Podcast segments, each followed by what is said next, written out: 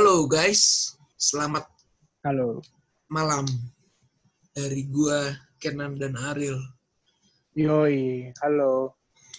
Ril, Apaan? untuk rekaman malam podcast nih kayak gini nih, kita tuh sebenarnya butuh tagline gak sih Ril? Kata lu penting gak sih tagline tuh? Terserah aja sih. Eh, banyak yang pakai, kadang juga banyak yang enggak sih sebenarnya. Iya. Mungkin Hmm. akan ada tagline, tapi gue belum bisa menemukan tagline yang pas. Atau lu juga Iya, mungkin kita pikir-pikir. membantu dong mencari tagline-tagline yang pas. Tapi Pikir-pikir aja. yuk. Oke Ril. Jadi gimana Di- nih? Kita dari untuk sesi pertama untuk berita iya. gimana nih? Kena? Berita Ngomongin malam apa? ini kita mulai dengan Indonesia Coronavirus Case Update Jun Juni 10 2020. Yoi. Kenapa tuh? Kenapa, kenapa tuh? Jadi hari ini nih tanggal 10 Juni 2020 Hmm. total kasus corona itu ada 34.316. Yang Di Indonesia. ya eh, hari ini Wow. kematiannya itu ada 1.500 eh 1.959 sorry. Itu kematiannya. Mm-mm. Lalu Yang hari ini yang ya yang sembuh itu ada 12.129 orang. Hmm. Coba ini tanggal 10 Juni. Mari kita lihat ke sebelumnya apakah ada perkembangan. Oke. Di hari kemarin tanggal Juni 9 2020 total case-nya itu ada sekitar 33.076 orang yang Hmm. sudah terkena yang sedang dirawat ada ada 1923 orang yang mati dan ada 11.414 orang yang sembuh. Nah, di sini kita lihat Adil. Berarti kan ini setiap hari itu ibaratkan kita bisa bilang tuh ada seribu orang yang kena, ada seribu orang yang sembuh. Maka kalau kata itu Iya. itu gua kurang berpengaruh. Maka di sini itu yang berpengaruh itu ya eh, jumlah COVID-19 menurun di Indonesia adalah dari angka kematiannya. Ah, Iya, yang meninggal ya. Iya, mungkin itu sebenarnya sih buruk ya, tapi gue sih fine-fine aja. Iya, betul. Hmm. Tapi dilihat dari sini ya yang udah sembuh lumayan banyak sih 12.000 ribu. Iya, gue ngerti yang sembuh 12 ribu. Tapi yang Mm-mm. sembuh nambah seribu, yang kena nambah seribu. Maksudnya Betul. di mana untungnya gitu. Jadi kita untuk menurunkan, menurunkan kurva COVID-19 di Indonesia ini hanya efek dari orang-orang yang meninggal saja. Mm-mm. Itu Bingung juga sih gua. Nggak, jadi kayak nggak nggak nalar gitu. Nalar gue nggak sampai itu ke situ sih sebenarnya. Soalnya kan ini bukan main tebak-tebakan ya. Mainnya harus pas gitu kan. Iya. Ada mau ditambahin Dril tentang angka COVID yang sudah bergejolak ini dan berusaha melakukan new normal? Ya, gue no komen dah. no komen gue. Asal ya gue kasih saran aja ya kalau mau keluar ya pakai masker gitu ya. Itu Iya. aja sih. Oh iya nih, ngomong-ngomong soal masker nih Ril. Apa? Ini gue dapat beritanya nih dari CNBC. Wah, gak pakai masker, denda 250 ribu. Perusahaan 25 juta. Jadi bagi kalian yang keluar rumah gak pakai masker dan ketahuan, maka akan didenda 250 ribu. Anjir itu untung banget ya. Untung buat siapa, bro? Buat ya buat mereka itu. Nih, Jakarta CNBC Indonesia. Pemerintah Provinsi Pemprov DKI Jakarta memutuskan untuk memperpanjang pembatasan sosial berskala besar atau PSBB yang berakhir pada 4 Juni. Berarti artinya hari ini PSBB sudah selesai karena hari ini sudah tanggal 10 Juni. Betul, betul. Karena Guber- apa? Kenapa? mall juga udah dibuka men, kan? Iya kan? Iya, tapi gua belum ke mall sih buat apa juga. Nggak, gue takut. Iya. gue juga Lalu- belum sholat Jumat gue. Jujur. Lalu Gubernur DKI Jakarta Anies Baswedan menyebut sampai dengan akhir bulan Juni ini menjadi masa transisi pertamanya. Oke, jadi di sini sudah mulai memasuki fase-fase new normal ya. Mm-mm, betul. Kayak masa transisi lah ya. Ya. Ngomong-ngomong Hmm. soal sholat Jumat nih, Ril ya. Sebenarnya Kenapa tuh? di komplek gue ini udah bisa sholat Jumat. Hmm, Sama, gue juga. Iya, tapi dengan protokol kesehatan seperti wudhu di rumah, membawa sajadah sendiri, dan Mm-mm. tetap menjaga jarak. Cuma gue tetap aja nggak Jumatan. Iya, karena ada alasan. Sama Karena juga, dengan juga- alasan. Iya, karena ya gue juga belum men. Karena ya takut aja sih gue. Takut. Tapi nih, Ril, ya, yang kalau kita lihat nih dari nggak pakai masker denda 250 ribu, yang kasihan itu gembel, bro. Iya betul. betul. Gembel dan yang- orang-orang Kelas ke bawah lah. Kelas ke bawah lah istilahnya. Iya, ya jadi kan mereka kan bekerja, mereka keluar rumah, nanti kan takutnya Mm-mm. stres gitu udah. Aduh, nggak pakai masker denda 250 ribu, aku beli masker dari mana? Terus keluar rumah, nggak pakai masker, Iya. didenda lagi 250 ribu. Aduh, aduh, aku Kasihan sih. pusing, aku pusing. Kasihan sih. Kasihan. Aduh, kasihan, kasihan, kasihan. Kecuali- Kecuali kalau ada pemerintah ada program kayak giveaway masker gitu ya. giveaway masker. Buat apa give bilangnya tuh dibagikan gitu loh. Kalau di giveaway itu kan mungkin ya giveaway itu kan dengan cara diundi. Masa masyarakat Indonesia diundi hanya untuk masker? Enggak, enggak, enggak. Enggak, itu masker itu yang gue tahu itu udah dikasih dari RT-nya gitu. Dari Iya. pemerintah udah gratis-gratis. Iya. Gue dapat juga, gue soalnya dapat. Mau kaya atau miskin dapat coy. Iya.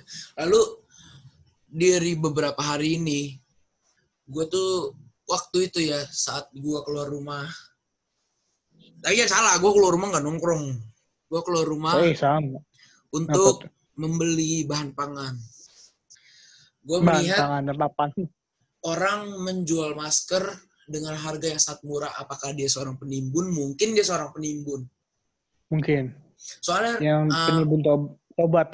Iya, jadi waktu itu gue lihat ya, ada seorang penjual masker yang mungkin dia penimbun dia itu menjual dua kotak masker isi 50 pieces harganya 20 ribu. Dari mana itu masker Itu- harga 20 ribu? itu eh, masker kain atau masker sensi? Masker itu real yang masker surgical, masker rumah sakit. Oh, gila. Murah. Ya makanya mungkin dia penimbun ya pas gue lihat, wah ini ada penimbun nih, gak usah dibelilah nanti dia untung. Biarkan saja penimbun-penimbun itu mati. Nggak aja. Gue gue nggak ngomong ya. Gue nggak. Ya karena waktu saat awal-awal pandemik ini dia sudah menyusahkan banyak orang, banyak rumah sakit karena dia membeli banyak masker dan menimbunnya. Dan saat masker Hmm. dan hand sanitizer sudah mulai mudah ditemukan, sudah mulai diproduksi besar-besaran, mereka menyesali perbuatannya. Betul. Iya. Ya, Sekarang ya ini sih apa udah udah gampang. Tante gua aja udah gampang dapat masker sensi itu. ya tidak, tapi tidak tidak ada hubungannya sama tante Anda, bangsa. Ya maksud iya kan tante gua kan rakyat juga kan. Rakyat. Iya gitu juga rakyat maksudnya enggak kan biasanya kan ya gitulah pokoknya. Iya. Oke, Hmm. Ril. Kita masuk ke berita ketiga nih ya. Setelah tadi Apa berita Oh tiga. kasus Ada corona tiga. dan berita kedua tentang denda tidak pakai masker, lalu ini ada berita sumbernya dari indozone.id yang selalu menggunakan hashtag kamu harus tahu di setiap postnya. Iya. Oke oke. Padahal kita nggak harus tahu kan? Hmm, iya. Tapi tapi tapi gue udah ini sih udah nonton sih kayak wow. Ada positif dan negatifnya juga sih sebenarnya. Nih, aksi pria Indonesia berorasi di depan pendemo anti rasis di Amerika Serikat. Pendemo seketika terdiam. Sebuah video memperlihatkan aksi seorang pria Indonesia yang berorasi di depan pendemo anti rasis hingga membuat Hmm. demonstran terdiam pria, ya, pria itu menceritakan masalah rasial yang dialaminya. Jadi ada orang Indonesia yang Iya. yang mungkin dia sudah muak, sudah capek karena Betul, betul. demo-demo yang terus berjalan, demo-demo tentang rasis. Sedangkan di video itu dia bilang kalau dia pindah dari Indonesia ke Amerika untuk mencari mencari ketenangan karena di Indonesia sudah Iya. terlalu banyak demo. Pindah Mm-mm. ke Amerika, demo lagi. Sian. Betul. Tapi dari ini ya, kan gue lihat di komen-komennya bilang justru kayak eh, si orang itu berarti menunjukkan kalau eh, Indonesia itu rasisme juga gitu, ya enggak? Iya, iya, bisa Iya. dibilang.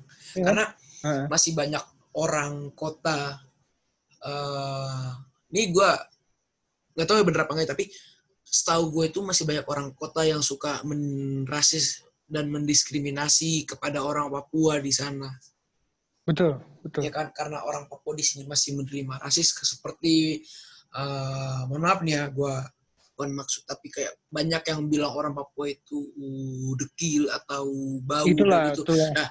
Iya Pokoknya itulah, pokoknya. Mm. Dan sebenarnya gue Mm-mm. sangat-sangat nggak suka dengan orang-orang kayak gitu. Gini loh, Iya, mungkin ada orang yang gini, waktu kejadian George Floyd itu mereka bilang Black Lives Matter, Black Lives Matter, tapi mereka sendiri masih mengejek orang Papua yang tanah sebangsa, bangsa untuk anda anda semua yang kayak gitu. Heeh. Itu bener banget. Jadi kayak nggak sadar aja gitu. Kalau kita Iya. punya Papua. Ya. Iya, Tapi yang gue bingung itu Papua itu nggak bau. Papua itu wangi. Gue sering dulu ketemu sama orang Papua.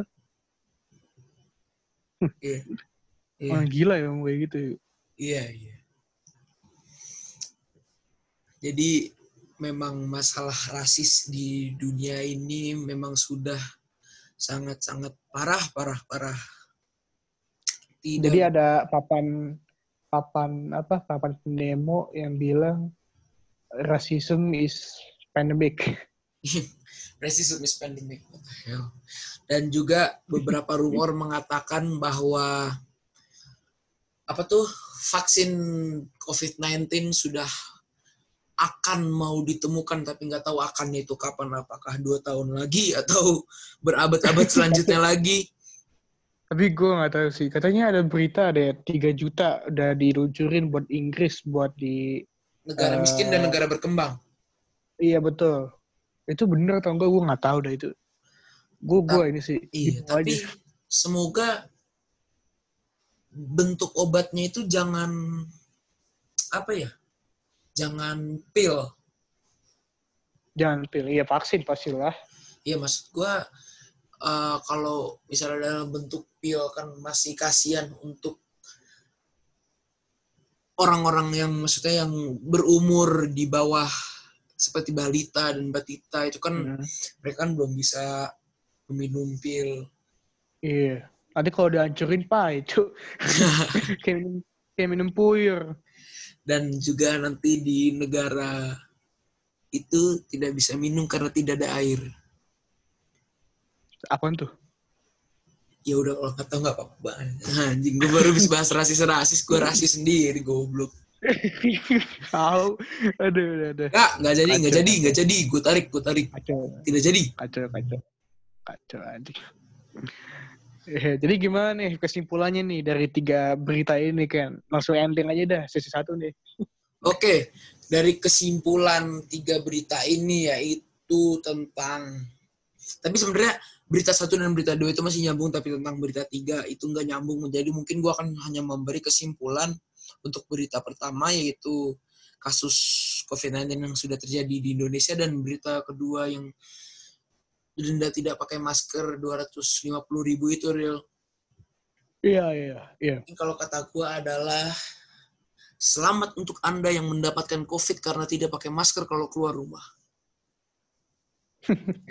Ya oke. Itu dari lu. Kalau dari gua ya stay safe aja, pakai masker kalau keluar rumah. Jangan lupa cuci tangan. Gitu aja. Oh iya. Oh iya, Dan juga yang kalau masih nongkrong, masih nggak pakai masker keluar rumah, Anda terkena COVID, jangan lupa meninggal. Waduh. itu Dah, itu dah, enggak dah. itu Dah, dah, pindah sesi, pindah sesi. Pindah sesi, cuy. Eh, tapi itu tapi itu tapi tunggu tapi tunggu Apa, apa, apa, kenapa, kenapa? kan ada restoran dine in kan udah udah udah, udah ada restoran dine in Ya, iya, bro, karena sudah pasar, bro. Mm Daripada ditutup, ya itu lah Yoi.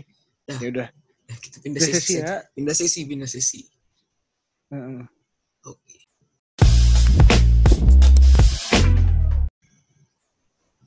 Oke guys, halo. Sekarang kita sudah berada di segmen ngobrol santuy seperti biasa. Yoi. Sekian namanya kita nggak ngobrol santuy, akhirnya ngobrol santuy juga ya Ken. Yoi, jadi di ngobrol santuy kali ini kita akan membahas sebuah jamur yang bisa membuat halusinasi real. Apaan tuh namanya? Gue nggak tahu. Yaitu adalah spesies jamur ergot. Ergot, ergotisme, bukan? Iya. Jadi pada Agustus 95 1951 penyakit aneh melanda kota kecil di Perancis. Orang-orang mengeluh sakit perut, mengigau dan berhalusinasi melihat makhluk neraka. Waduh. Itu makhluk neraka. Berarti jamur ini tuh seperti membuat orang Oh iya tadi gue juga lupa bilang jamur ergot itu adalah jamur api yang membuat orang-orang itu berhalusinasi seperti mereka memasuk neraka gitu real. Kok, kok bisa gitu? Itu gimana tuh?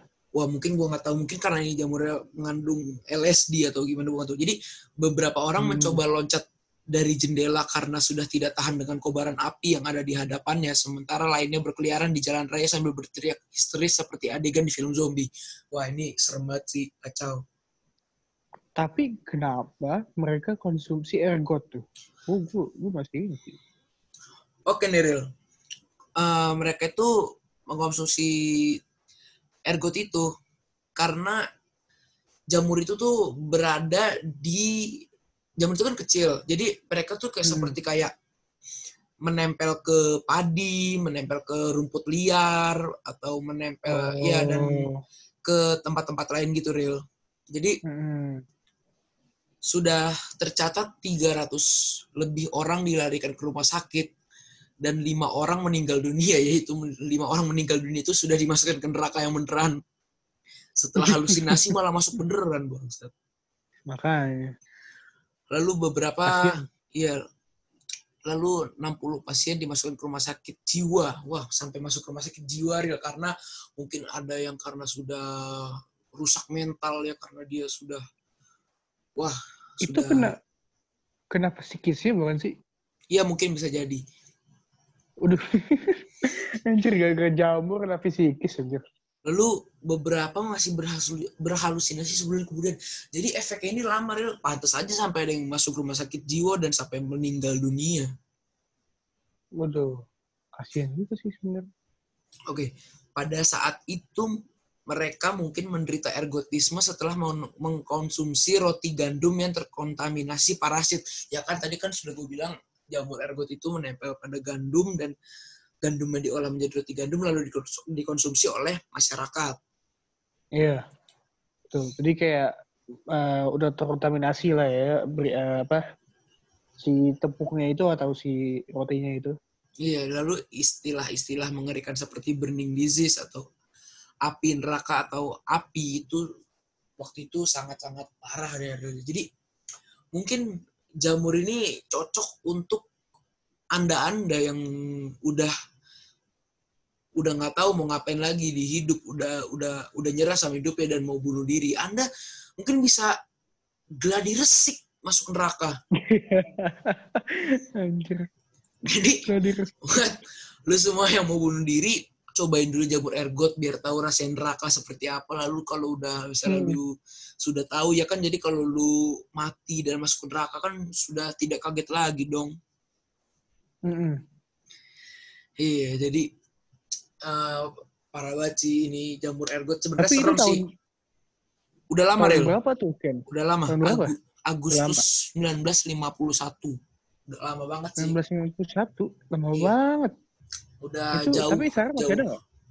Masih ada nggak sekarang? Eh, kurang tahu gua. Ini beritanya hanya bilang pada hanya menyampaikan informasi pada tahun 1951. 1951. Iya, jadi mungkin untuk orang-orang yang sudah mengkonsumsi jamur ergot dan akhirnya mati. Jadi ini lagi, ini lagi sih sudah tidak kaget dong. Tapi itu pandemi nggak? Tidak. Enggak, hanya Nggak pandemi ya? bukan dong, bukan pandemi karena ini kan bukan apa ya, Nggak bukan global ya? Nggak Iya. global. bukan global, hanya pada desa kecil saja. Oh, jadi tapi untungnya nggak global ya? Iya. Kalau Karena- global gimana? Iya, mungkin bisa lebih dunia- fatal lagi. dunia- Mungkin dunia bisa dunia halu. bisa selesai kali. Halu aja satu dunia. Iya, mungkin dunia sudah kosong sekarang. Sudah expired. Halunya hal ini ke neraka, ke neraka beneran satu dunia. Iya. Makanya Iya. dunia saja sudah hampir expired sekarang.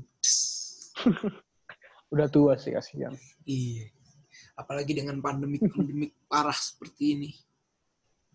Tapi kalau ngomong-ngomong pandemik nih, tapi ada loh tahun flu tuh lu tahu flu kan? Tahu, tahu. Influenza yang dulunya yang yang kalau kita kenal sekarang kayak penyakit biasa, tapi dulu tuh pandemi kok. Ya mungkin karena pada saat penyakit itu awal mula keluar, mungkin itu booming untuk dunia. Tapi ya lama-lama manusia bisa Mm-mm. beradaptasi dengannya gitu loh. Iya. Ya Dan mungkin juga mungkin ada vaksin Iya. mungkin. Ada udah. Iya, ya mungkin akan sama seperti COVID ini memang awal-awal keluar kan semua orang histeris, semua orang Hmm. Panic buying, semua orang lockdown di rumah. Tapi makin sekarang kan udah mulai keluar rumah, udah mulai ke mall lagi. Ya, Jadi, jadi istilahnya nanti lu sakit apa lu gue sakit corona jadi biasa gitu kan. iya. Apalagi nih Ril, berita apa tuh bukan berita sih, kita kan udah Ngobrol. ngobrol santai aja nih. Iya. Tapi gue pengen ngobrol nih tentang visi. Apa cok? Visi bangsa. Gua kira udah minta taping dari seminggu yang lalu tentang fizik. Gua kira udah menemukan berita yang lebih berkualitas. Berita-berita, maksudnya bahan topik obrolan yang lain. Ini fizi apa apa apa cepat cepat ngomong-ngomong apa fizi kenapa Akhirnya visi minta maaf. kepada Upin dan Ipin setelah ucapannya yang membuat dua kembar itu bersedih ini kayaknya gue tahu deh videonya deh Tahu kan? yang yang Fizi bilang eh, kan Pokoknya Mail itu Mail bilang dia ingin Oh. membantu ibunya karena surga berada di telapak kaki ibu. betul. Lalu Upin dan Tapi- Ipin, ya lalu Upin Bertanya. dan Ipin bertanya kan, kalau nggak ada ibu gimana? Terus Fizi bilang nggak ada ibu yang nggak ada surga. Ya itu kacau. Enggak, masalah gini. Itu tuh mungkin juga bikin orang-orang yang tidak punya ibu atau bahkan tidak punya orang tua juga kepikiran bangsat. Makanya kayak anjir ibu gua nggak ada berarti gua nggak ada surga. Tapi ini masalahnya berita Fizi sampai masuk Tribun Jateng loh. Hei, Tribun Jateng, perbaiki beritamu. Cepat. Apa Eh, tuh jangan berita Jateng. doang sampai masuk Tribun Jateng? Emang orang Jateng tuh sepeduli ini sama berita eh, eh, ini aja sih kayak gimana ya? Les kopi aku eh, yang yang which is yang yang membuat Upin Ipin itu bisa buat kayak gitu gitu loh. Gue Iya, bingung aja. Iya. Ya, Terus tadinya kontroversi, terus jadi minta maaf gitu ujung-ujungnya Iya. kayak kayak real life banget gitu kan. Lalu apalagi di permohonan maaf disampaikan secara resmi melalui akun Instagram Upin Ipin Official. Upin Ipin Official ini gue nggak tahu maksudnya ini akun Upin Ipin dari acara kartun itu atau bukan atau cuma Ah. sekedar fanbase doang. Mungkin bisa jadi. Oke, lalu video tersebut sudah mendapatkan like 6.413. suka dan dikomentari 13.388 komentar. Wah, Waduh, sepedulinya orang-orang itu sama Upin dan Ipin gitu. Iya, orang Indonesia maupun Malaysia. gitu. Tapi yang gua yang gua ngangkat itu pada bikin memesnya aja gitu, pada bi- bikin memes, Iya. Pada bikin memes. Saya minta maaf, saya tidak ini, bla bla bla. Aduh, ya Allah. Aduh. Itu kenapa ya kayak kayak gitu? Apakah menyindir orang yang suka uh, kontroversi terus habis itu uh, minta maaf ujung-ujungnya atau gimana ya? Nih, lalu ada lagi nih video. Lalu Les Kopakyu Production yang memproduksi serial kartun Malaysia Upin dan Ipin unggah video permintaan maaf Fizi. Video permintaan maaf itu diunggah di kanal YouTube Les Kopakyu Production menyusul hebohnya pernyataan karakter Fizi yang melukai karakter Upin Ipin. Ini nggak cuma menyukai karakter Upin Ipin bangsat. Yang nonton Upin Ipin tuh nggak cuma anak-anak yang punya orang tua, Iya betul betul. anak-anak panti yatim piatu, panti panti-panti yang lain pasti mereka juga nonton Upin Ipin. Ya wajar dong kalau mereka jadi kepikiran, aduh aduh aduh apakah aku harus mengkonsumsi jamur ergot biar bisa gladires neraka dahulu karena aku tidak punya ibu. Bangsat. Jadi ini dancuk sih anjir. udah, maaf nih ya, ya, ya yang yang yang minta maaf nih. Ujung-ujungnya minta maaf. Wah, Sumpah. canda, canda lu gak usah baper. Bercanda, bercanda. Tahu lu. Usah weak. Aduh. karena adegan tersebut memicu reaksi netizen Indonesia yang menyaksikan serial tersebut saat tayang di MNC TV. Waduh. Ya, pasti Tapi emang ya orang lu Indonesia nonton ini legend. gak sih? Kenapa? Lu dulu suka nonton Upin Ipin gak sih? Eh, nonton Upin Ipin enggak sih sebenarnya gue biasa aja. Tapi gue no, pernah nonton, tapi gue biasa aja nggak kayak suka banget gitu. Kalau menurut gue sih kayak beda sekarang Upin Ipinnya. Hmm. Udah pakai kan- skincare. emang emang apa bedanya tuh? Dulu maaf ya, dulu kayak agak brown nih, eh, Oke, mukanya warnanya. iya. Sekarang putihan, itulah. Oh, Apakah ada evaluasi atau gimana? evaluasi menggunakan skincare. Itu gue suka sih, gue suka tentang idenya itu sih. Lalu nih ada lagi nih dari masih dari Tribun News. Netizen Indonesia mengecam ucapan Fizi. Tak sedikit dari mereka yang membuat meme hingga mengumpulkan tabiat buruk Fizi dalam serial anak-anak tersebut. Wah nih kasihan Fizi karena sudah banyak haters, banyak akun-akun yang menyebar aibnya Fizi. Aduh ya Allah. Aduh, lu berita apa real? Kenapa membawakan berita Fizi? Nggak ada gitu berita yang lebih baik Nggak. lagi. Apa? Soalnya gini, men. Soalnya Apa, gini. Upin Ipin tuh kan eh, ini kan kartun buat anak-anak kan. Iya. Nah, gue kenapa gitu ada kepikiran ada dialog seperti itu ya kak. Iya sih. Ya, ini kan Makanya gue bingung. Kocak. ya gitu aja sih. Kasihin juga kan ujung-ujungnya buat anak-anak yang Iya. ada punya ibu. Nggak. Aduh. Jadi untuk eh Fizi mengatakan kata-kata itu untuk kalian yang mau melihat ada di episode berjudul Syahdunya Syawal. Iya. Oke.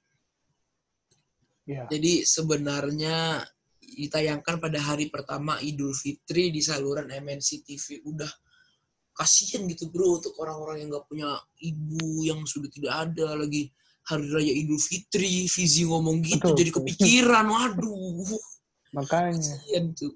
Jadi bersyukurlah untuk kalian-kalian yang masih punya ibu. Iya. Dan yang nggak punya yang yang sudah tidak punya ibu ya jangan patah semangat. Kok Serius, gue serius.